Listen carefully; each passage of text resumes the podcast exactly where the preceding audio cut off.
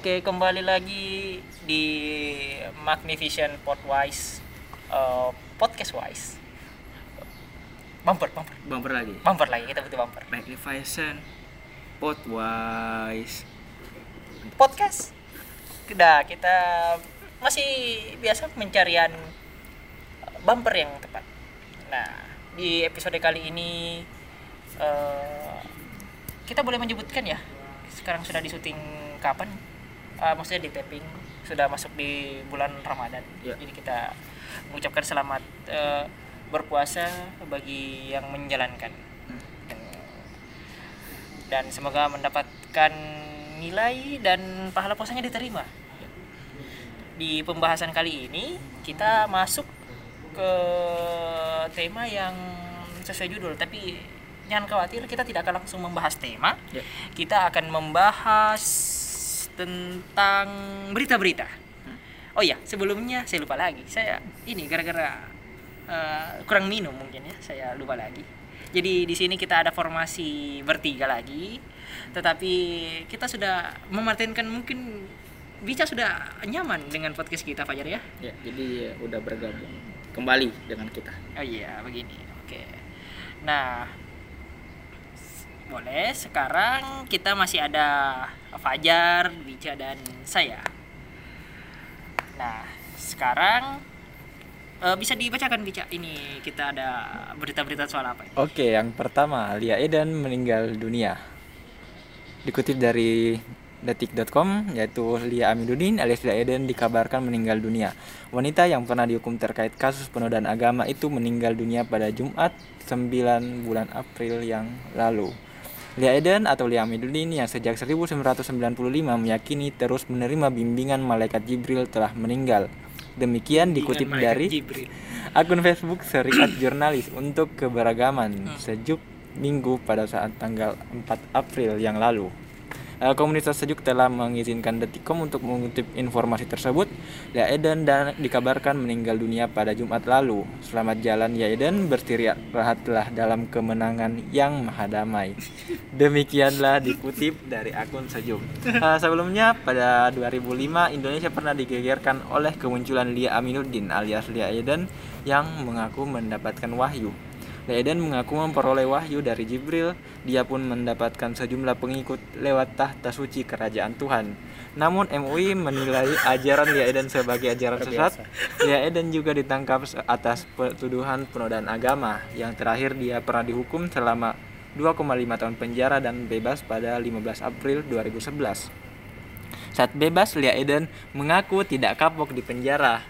Lia menyatakan akan terus menyiarkan keyakinan dengan mendamaikan semua agama. Ah enggak, saya enggak pak kapok. Saya akan kembali dengan tugas mulia saya. Saya tidak takut. Ini urusan Tuhan harus dilakukan. Amanat Allah harus dilakukan. Kata Lia Eden saat menghirup udara bebas di LP Perempuan Tangerang, Jumat 15 April 2011. Kan hukum di Indonesia itu tidak boleh mengajarkan seperti itu. Tanya wartawan. Nah, itu dia. Di Indonesia harus ada keadilan untuk keyakinan. Apalagi tugas saya mendamaikan seluruh agama. Kami diamanatkan untuk mendamaikan agama. Saya tidak ini tidak pernah berbuat kejahatan. Saya menjalani 4,5 tahun penjara bukan karena melakukan kejahatan loh. Jawab Yaidan. Hmm. Pendapat Fajar soal Lia Eden? itu tadi apa eh, kutipan beliau ya Iya. sebelum beliau eh, wafat Bahkan. tanggal 9 bulan ini. Kita turut berduka cita ya atas meninggalnya Lia Eden, iya. Lia Aminuddin. Ibu Lia Eden selaku manusia. Selaku iya Anda enggak, tidak ini enggak, tidak melihat dia sebagai pemuka agama? enggak, kita bersedih karena dia manusia sama seperti kita. Hmm. dia meninggal. Tapi tidak bersedih tapi mungkin terlepas dari itu tetap tidak setuju dengan apa yang beliau viralkan di tahun 2005 kemarin tadi dijelaskan oleh Dan sampai ke Bisa 2011 begitu. Ya, semoga beliau tetap tenang di agama yang beliau eh, apa ya, tetap pegang teguh sampai beliau wafat kemarin. Iya loh. Tapi kasihan ya, beliau mungkin tidak dapat izin mendaratkan UFO di Monas, Pak. Ya itu bagi teman-teman yang mungkin mendengarkan sekarang ya, yang mungkin belum lahir di tahun 2005 tersebut atau mungkin saat itu agak ansos ya dengan berita-berita yang ada di lapangan. Ibu Lia dan ini pernah ya, eh, WS ya, Iya. pernah minta izin untuk mendaratkan eh, UFO di Monas. Untuk Tapi membawa pengikutnya ke surga. ya keren juga berarti. berarti Keren loh ini. Ini asumsi baru berarti Elon- UFO ini kendaraan yang seperti yang bisa membawa orang ini Bisa jadi Elon Musk terinspirasi dari Lee Eden. bisa jadi Bisa jadi ya. luar, luar biasa untungnya tidak ada Sa- saat itu tidak jadi pun kalau diizinkan Hmm. belum tentu teriak juga sih Eh? Kita kan tidak tahu kan tidak diizinkan pak. Jadi mungkin saya kan mungkin kalau ada eh, eh, imam baru ya pemimpin baru di kerajaan apa ya Ya. di tarekat mereka kalau tidak salah namanya itu Samanullah. Mungkin pemerintah oh, Samanullah. Sa- Salamullah Ya, sebenarnya. hampir saja anda di Bahaya. digerebek sama pendukung ini Oh ya, oh sorry, sorry ya Pak, gitu gitu. Eh, jadi mereka eh, mungkin kalau ada sudah menunjuk imam baru, Ya. mungkin bisa dipertimbangkan Pak. Saya kasih pertanyaan kepada pemerintah untuk jangan Eh, tidak tidak tidak tidak usah dilarang. Ya. Mending suruh saja buktikan, karena kalau tidak terbukti mereka kan malu sendiri. Ya. mungkin tidak usah dilarang Hmm. eh mungkin jangan sampai ke tahap tidak usah dilarang tidak usah digubris mungkin tidak usah dipikirkan Nanti biar sebagai angin berlalu tapi balik lagi ya Nah. kalau dari pribadi saya, pribadi dan juga mungkin teman-teman Eh. yang lagi ngebawain podcast ini turut berduka cita atas meninggalnya eh, ibu Lia Eden Eh, tapi anda setuju dengan yang dikatakan eh, dituduhkan kepada beliau sebagai penistaan agama? wah saya kurang tahu pasti ya Oke, Pak. terkait eh, pasal yang didugakan Oke. tapi saya tetap percaya kepada kekuatan Hukum. hukum dan dan eh, persepsi hakim terhadap kasusnya ibu Lia Eden Hmm. Kalau bicara bagaimana orang kalau berbeda keyakinan seperti itu? Ini bukan berbeda keyakinan sih, ini berbeda, berbeda pendapat. Bukan cuma berbeda pendapat, berbeda diri kayaknya orang ini. Hmm. Eh, tunggu, di satu sisi iya memang Indonesia eh, agama baru boleh kalau tidak salah sudah lama sekali saya mungkin sejak SMP atau sejak kapan itu saya pernah baca bahwa aga- eh, agama Indonesia itu boleh masuk asal agama yang murni bukan semacam pelintiran pengubahan ajaran dari agama sebelumnya so itu mungkin kenapa mereka tuh dibilang penistaan agama Bukan bukan Islam page 2.3 ya? Hmm. Atau kemarin ada Atau agama yang- muslim kemarin. Oh iya, kayak Kita agama sempat muslim. bahas Kita kemarin. sempat bahas agama muslim, tapi ini lebih Lia, Lia Eden lebih salah satu yang hits dulunya ya, Pak. Iya. Di zaman pemerintahan Bapak SBY kebetulan Lia, Lia Eden ini. Nah, oke, kita turut berduka cita kepada beliau. Semoga hmm, pengikutnya bisa menemukan jalan yang lebih baik. Ah, saya tidak mau ber- bermuluk-muluk ya. Kalau untuk apa kita berharap ke seseorang yang berharap Monas mendarat di apa eh, sorry eh, UFO mendarat di Monas? Apa yang kita harus mengharapkan? Ini kita tidak usah berharap pak. Tapi kalau berubah sendiri kan kita ya bersyukur. Oke berita lain bicara berita lain. Oke ada berita selanjutnya yaitu enggak dulu enggak dulu Ini saking banyaknya stok berita kita ya. iya susah dicari Topik, hari ini. oh ya unik nama baik di Brebes Dinas Komunikasi dan Informasi oke Statistik. Oke, tambah ulang-ulang. Nama bayi di Brebes ini Dinas Komunikasi Informatika Statistik. oke Hmm, oke. bayi ini diberi nama Dinas Komunikasi informasi. di informatika dan statistika bukan diberi nama oleh dinas tapi dia punya nama dinas itu oke dibacakan Oke, beritanya Bica. langsung jadi langsung dari penulisnya dulu Eh, Imam Suripto, Detik Imam News. Oke, da- beritanya dari Brebes. Jadi seorang ASN di Brebes, Jawa Tengah itu memberi anaknya itu nama unik. Dia tuh memberi nama anak keduanya itu nama Dinas Komunikasi Informatika Statistik.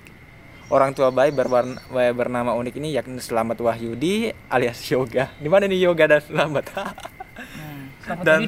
Ririn Linda Tunggal Sari. Yoga sengaja memberi bayinya dengan nama kantor tempatnya bekerja yakni Dinas Komunikasi Informatika dan Statistik sebagai bentuk kebanggaan. Kebanggaan. Saya memberi nama anak ini sebagai penghargaan untuk tempat kerja saya. Alhamdulillah, istri saya tidak keberatan dengan nama ini meski kedengarannya aneh. Istrinya tidak keberatan Kata Selamat Wahyudi, 38 tahun sambil memperlihatkan foto buah hatinya itu di kantornya Dinas Komunikasi Informatika dan Statistik Brebes. Oke, Yoga menyebut anak laki-lakinya ini lahir pada Desember 2020 lalu. Lantas siapa nama panggilan bayi bernama unik ini? Nama panggilan anak saya adalah Dinko. Kalau nama panjangnya adalah Dinas Komunikasi Informatika Statistik.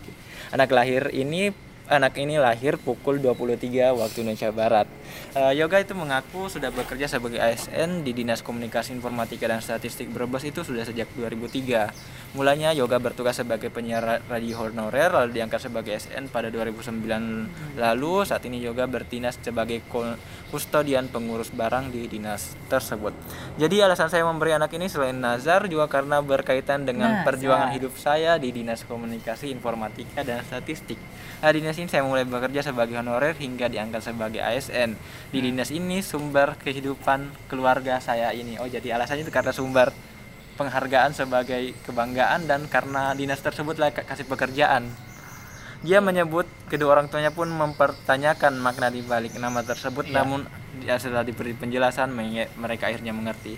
Awalnya hanya orang tua yang agak keberatan, tetapi tetapi setelah tahu alasannya tidak mempermasalahkan dan mengizinkan. Terangnya, Yoga pun mengamini nama yang dia berikan itu untuk anak keduanya itu memang tidak lazim, namun dia yakin kelak Dinko akan terbiasa menyandang namanya saat sudah besar nanti. Eh, ketika Bukan sudah tidak besar lazim, nanti, siapa yang kepikiran? saya berharap anak ini bisa menjadi yang, yang soleh, berbakti orang tua dan bermanfaat bagi agama serta negara. Ya, Bukan- Ungkapnya, oke itu. Bukan bukan Bapak berharap anak anak Bapak Bapak berharap anak Anda jadi instansi pemerintahan. Hmm.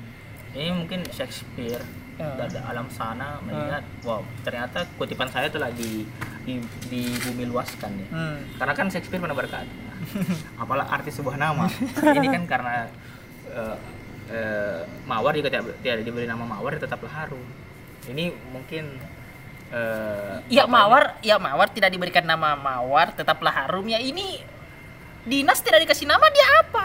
ini? ya tetaplah anak gitu dia tetaplah seorang anak jadi gara-gara bapak selamat Wahyudi kita sambil ini sebenarnya kita lagi memviralkan kembali ya sebenarnya dan juga sebenarnya info tentang eh, nama-nama unik gitu ya, Hmm. nama-nama unik eh, anak yang diberikan oleh orang tuanya sebenarnya bukan hal yang baru di, di Iya, Indonesia ada banyak yang, ada yang nama Banyak. Tuhan. Tuhan Pernah juga aku dengar kalau nggak salah Google. Eh, ada juga Andi Goes to School ada eh, Andi Ah, dan kemudian ada di KTP-nya Saiton Oh iya, Saiton juga Tapi ada. iya, a- ya, ada namanya Saiton Iya ada. eh, bahkan Tuhan juga ada Tuhan. ya bahkan ada yang sama Tuhan Iya ada yang nama Tuhan. Nah, dan juga eh, investor yang kemarin sempat eh, ini ya berjanji atau mungkin berencana membuat pabrik eh, apa Di baterainya di Indonesia, Elon, Musk. A- Anaknya bukan ini lagi. Nomor seri nama Nomor seri. AE eh, sekian sekian. Lebih ini lagi. Cari nama panggilannya tuh pasti lebih susah lagi. Kan tadi Hmm. namanya Dinas Komunikasi apa? Informatika dan, statistik. dipanggilnya Dinko Dinko.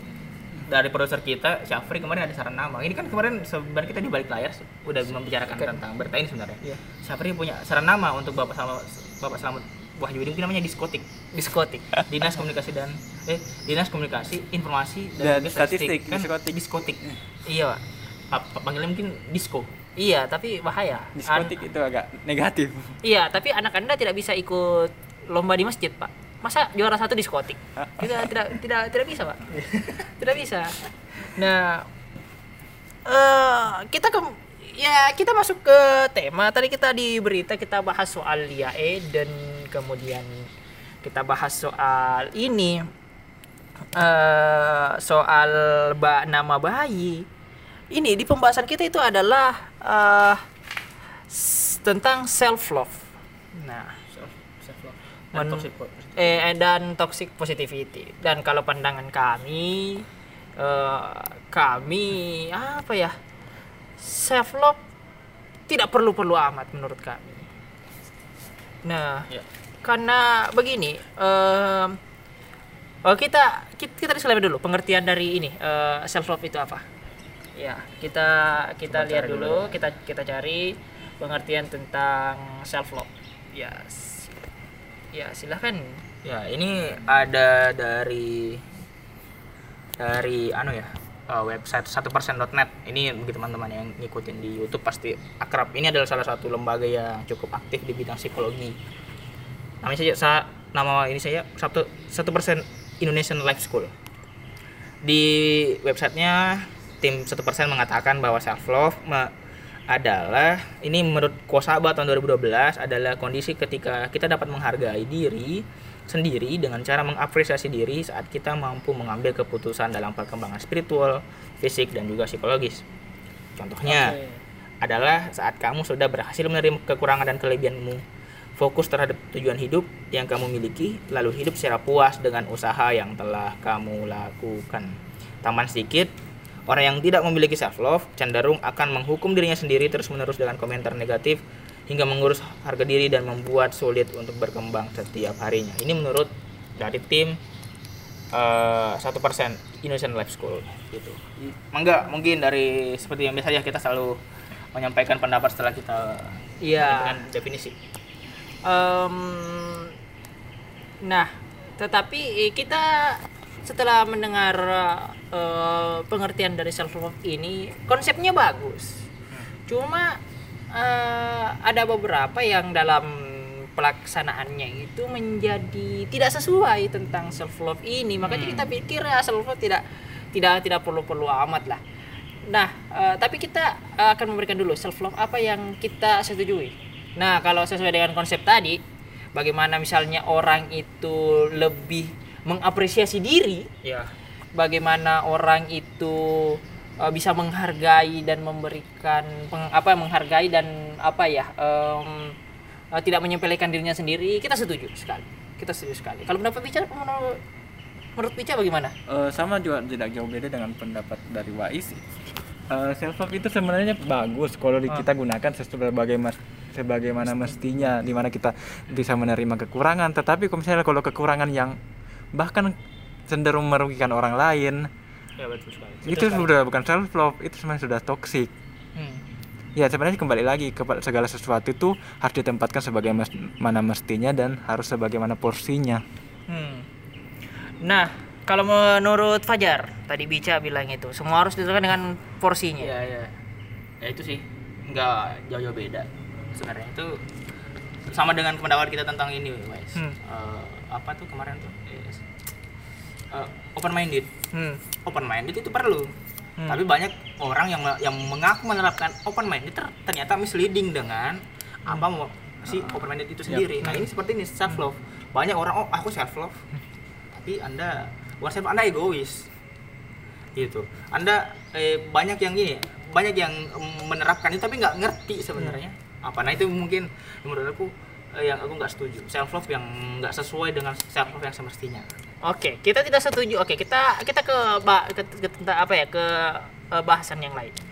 Jadi self love bagaimana yang kita tidak suka? Hmm. Nah, contoh kita disuruh untuk mencintai diri kita sendiri. Saya kasihan dengan judul berita yang tadi, anak yang terima dis diskominfo. nah Bagaimana dia bisa mencintai dirinya sendiri kalau nama saya diskominfo? Bagaimana? Ya. Nah, apalagi kan dia bilang eh is, oh iya saya memberikan nama ini dan alhamdulillah istri saya tidak keberatan. Anak anda menyesal punya orang tua seperti ini. Bisa jadi, bisa jadi. Tetapi kan tergantung nanti bagaimana orang tuanya bisa memberikan pemahaman kepada anaknya. Ba- Sepertinya kamu bisa mencintai dirimu dengan dengan nama dengan nama diskominfo Iya. ini. bagus juga. Hmm. Kalau misalkan Deskominfo, eh Deskominfo dan statistiknya ini punya kinerja yang bagus. Kinerja yang bagus. Tapi kalau misalkan ada pada ma- masa-masa tertentu ki- kinerjanya kurang bagus, Hmm. kan si anak namanya Dinko ini malah terbawa-bawa juga. Kita tidak tahu misalnya 30 tahunnya akan datang atau 20 tahun lagi lah mungkin anaknya sudah sekolah. Ya. Bagaimana ketika misalnya pelayanan di Skominfo ini kurang memadai terus Ya. sed- sedang sekolah pasti anak Anda dibully. Ah, dasar Deskominfo Dasar di Skominfo. nggak ada bedanya kamu sama ya Deskominfo yang itu. Nah, itu kan bisa jadi. Nah, ini ya bisa jadi cukup menghambat sebenarnya. Kalau in case seperti itu, Hmm. menghambat si anak ini untuk self love bukan kan ya mas gimana caranya ini anak mau self love gitu. Mungkin aku harus mencintai diriku sendiri. Aku harus mengapresiasi eh, mengapresiasi segala kelebihanku dan dan menerima segala kekuranganku. Tapi ketika dia ingat lagi namanya diskominfo turun lagi. Buyar lagi be- benteng yang dia bangun untuk self love nya itu. Oke, kita coba cari contoh kasus lain. Mungkin Bica punya pengalaman melihat orang yang self love. Apa ya sebenarnya bukan self love yang tadi itu Hmm. lebih ke toxic positivity Oke, oke. Jadi gini, sebenarnya kenapa kita hubungkan self love dan toxic positivity? Terkadang orang itu sudah me- dia dia itu menerapkan dia mencintai dirinya tetapi dengan cara yang salah kemudian ditopang lagi dengan orang di lingkungannya memberikan dia toxic positivity Ya. sepertinya kamu sudah benar mungkin Lia Eden ini dulunya dia mencintai apa yang dia pahami pak. Kemudian ditambah lagi orang yang mengiyakan apa yang dia katakan. Iya, benar. bagaimana? Ini adalah bentuk dari Lia Eden ini bagaimana orang toxic positivity. Berpendapat teh Bica mungkin punya contoh lain. Eh, mungkin begini pengertiannya dulu. Jadi kalau toxic positivity itu segala sesuatu kan. Kayak kita paksakan itu menjadi positif walaupun itu menyiksa diri sendiri. oke. Asalnya apa di eh, walaupun kayak mungkin nggak tahu ini toksik atau tidak. Ini misalnya kalau orang di tempat kerjaan sudah gaji rendah ke- jam kerja tinggi bos rese baru orang-orang di sekitarnya bilang sabar di luar sana masih banyak orang yang cari pekerjaan masih banyak orang yang lebih susah daripada kau susah makan bla bla bla. Padahal itu toksik lebih menyiksa diri. Nah seperti itu contohnya. Eh, pendapat pendapat pelajar mungkin punya pengalaman. Apa tadi? Oh, aku sempat kepikiran toxic positivity itu misalkan apa ya? Kayak ya, tadi benar katanya Mbak tentang Lia Eden gitu. Gak ada yang membenarkan eh bukan gak ada yang meluruskan ketika ada seseorang yang salah dan tadi aduh sempat kepikiran apa gitu. Eh tadi tentang apa ininya? Tentang perusahaan ya? Iya perusahaan. Oh iya misalkan begini. A- ada orang yang mengidolakan seseorang. Hmm. tertentu. Ini misal dia mengidolakan seseorang yang eh, from zero to hero. Oke. Ya dari miskin eh, Tetap apa miskin. namanya, ke ini menjadi sukses. Oh, iya, sukses. Ya. Terus dia juga kebetulan sama ininya keadaannya dan kemudian dia, dia bukan bukan dimirip-miripkan Eh, eh, ma- mirip di fase mirip. nol tapi dia sudah ser- eh, dalam lima tahun sudah 100 dia sudah 10 tahun masih nol nol nah dia menunjukkan oh tidak apa-apa. Dia zero keep in zero mungkin. stay in zero. Stay in zero. Ya si ini si orang ini. Ya oh tidak apa-apa. Tidak idolaku saja pernah berdarah-darah seperti aku tapi dia introspeksi. Dan dia itu ada diciptakan oleh Tuhan. Tuhan jadikan dia idola anda supaya anda belajar supaya anda tidak seperti dia. Kenapa anda malah tetap menerima anda berada di fase itu? Oh iya tambah contoh lagi. Ada tuh kasus misalnya eh, mengikuti misalnya pada jejaknya Bill Gates, Mark yang di DO. iya dia self love Banyak jadi pernah pernah baca jadi misalnya namanya sekolah atau cari-cari pembenaran.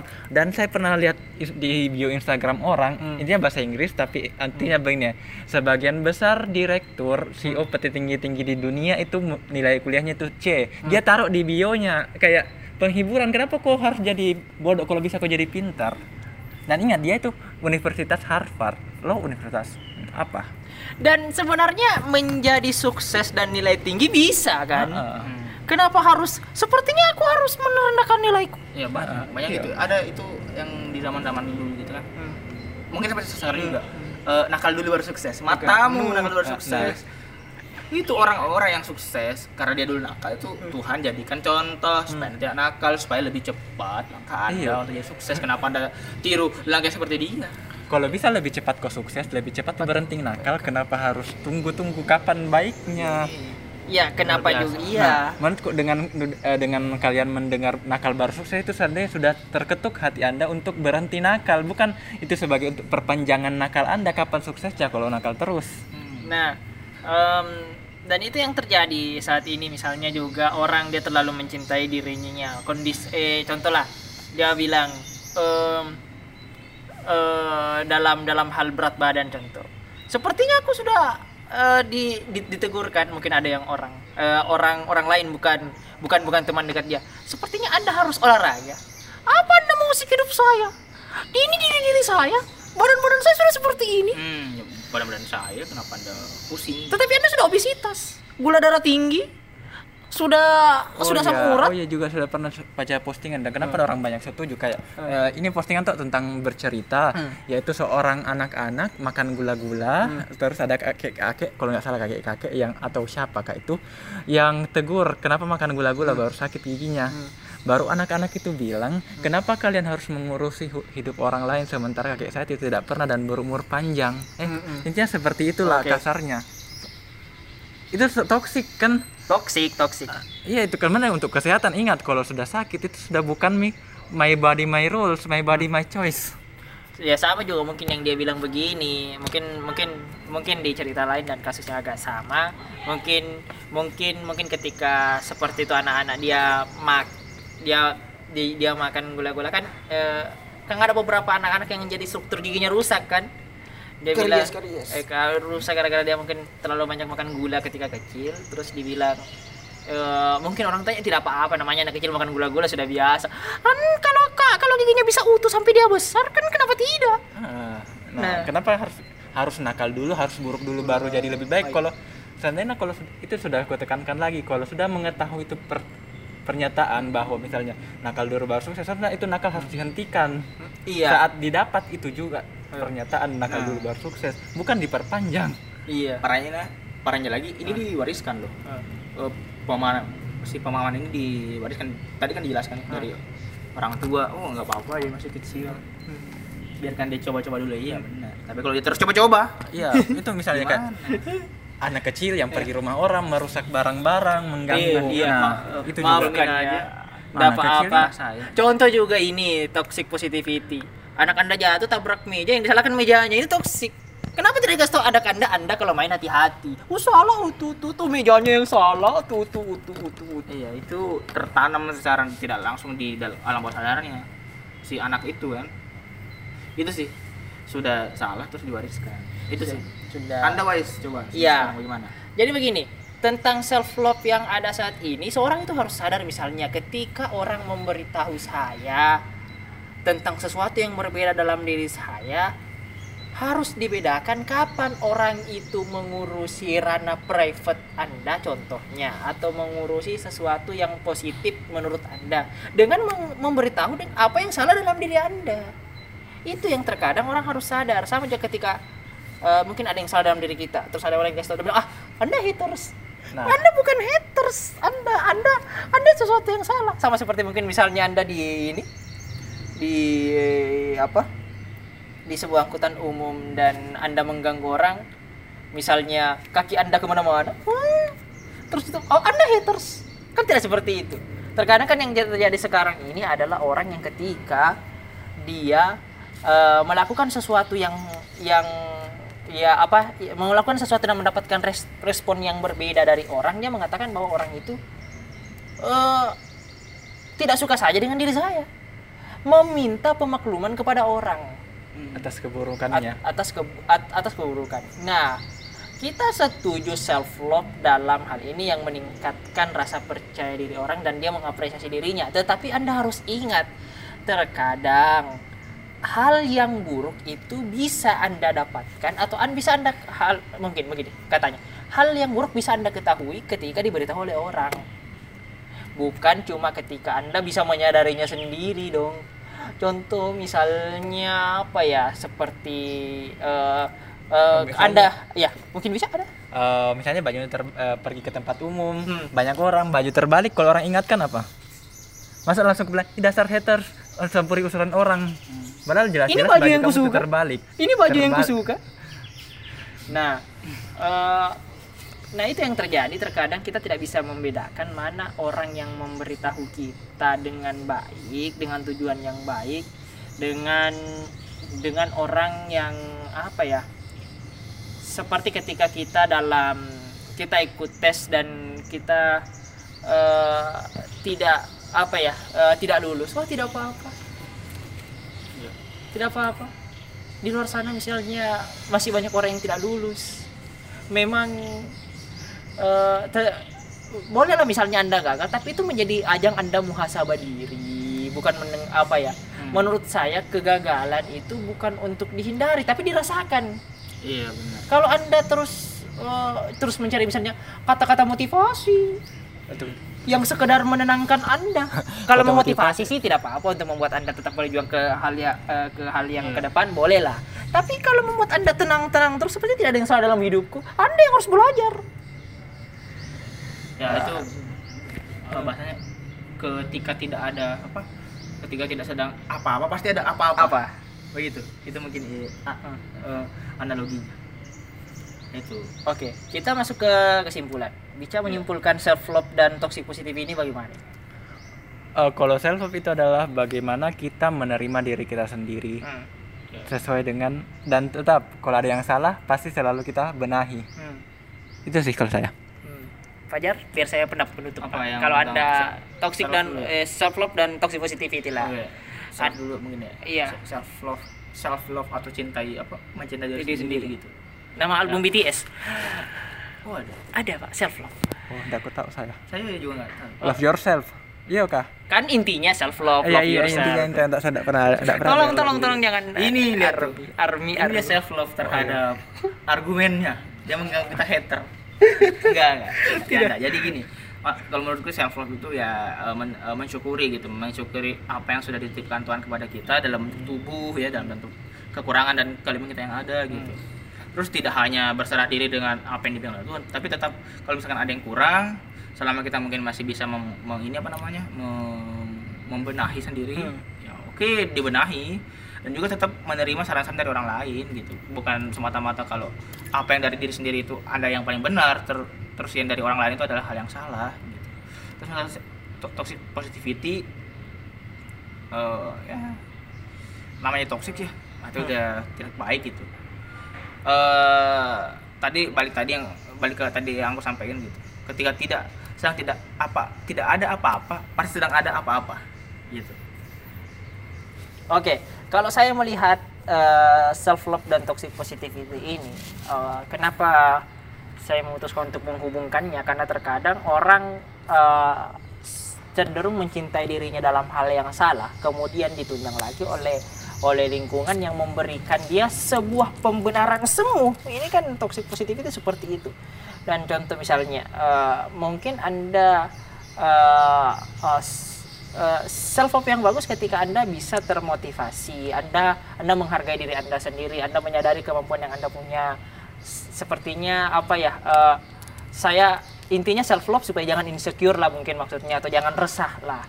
Nah yang jadi saat ini menurut saya yang salah itu ketika anda self love itu anda lebih eh, menutup diri dengan pendapat-pendapat orang lain menurut saya tidak tidak ada salahnya kita membuka diri, membuka telinga dan kita lebih tepatnya menyaring lah apa pendapat yang masuk daripada menutup sama sekali.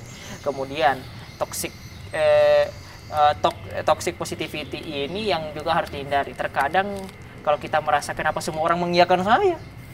Nah, Anda har- terkadang pendapat yang pedas itu perlu kita eh, dapatkan untuk memberikan kita eh, sudut pandang baru supaya kita dapat berpikir dari hal yang da- dari dari sisi yang bermacam-macam.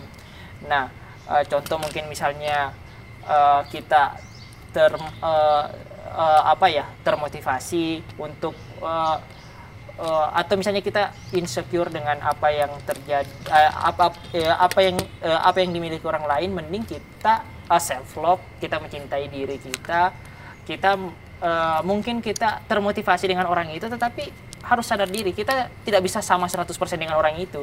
Bisa jadi kita bisa menjadi orang itu tapi dengan versi diri kita sendiri. Nah begitu pendapat kami soal uh, self love dan toxic positivity. Kalau anda sependapat ya alhamdulillah kalau tidak sependapat juga tidak apa-apa. Kita sepakat untuk tidak sepakat. Meskipun ini tidak penting setidaknya. Setidaknya menambah informasi. Ini Anda. katanya eh, ayah. Ayah ayah ayah ayah, ayah pidi baik ayah video baik Ya. Dem, eh, demikian yang bisa kita bahas terima kasih sudah mendengarkan sampai dengan akhir ini kalau ada saran-saran yang bisa dibahas bisa DM kami atau ke eh, alamat yang kita sediakan di caption ya cukup kirim alamat yang kirim orang Jangan kirim orang ya. Cukup. Anda Anda kalau tidak setuju dengan kami cukup cukup cukup kirimin saja, Pak. Kirim pemberitahuan. Tidak usah kirim orang. ya Nah, demikian dari kami. Saya Wais, saya Fajar dan ada Abizar. oh ya saya bisa Abizar. Terima kasih sudah mendengarkan sampai saat ini dan sampai jumpa lagi dan tetap sehat. Harus tetap sehat. Bica mahasiswa kedokteran pasti suka kalau masih ah, ini pendengar-pendengar kita sehat. Sehat mental dan sehat pikir pikiran mental ya sorry sehat kesehatan apa dari segi fisik tubuh jasmani. Jasmani. Maaf saya anak IPS pak. Di di antara anak IPA yang toksik dengan menganggap mereka oh, baik-baik saja. Padahal lebih baik belajar IPS oke sampai jumpa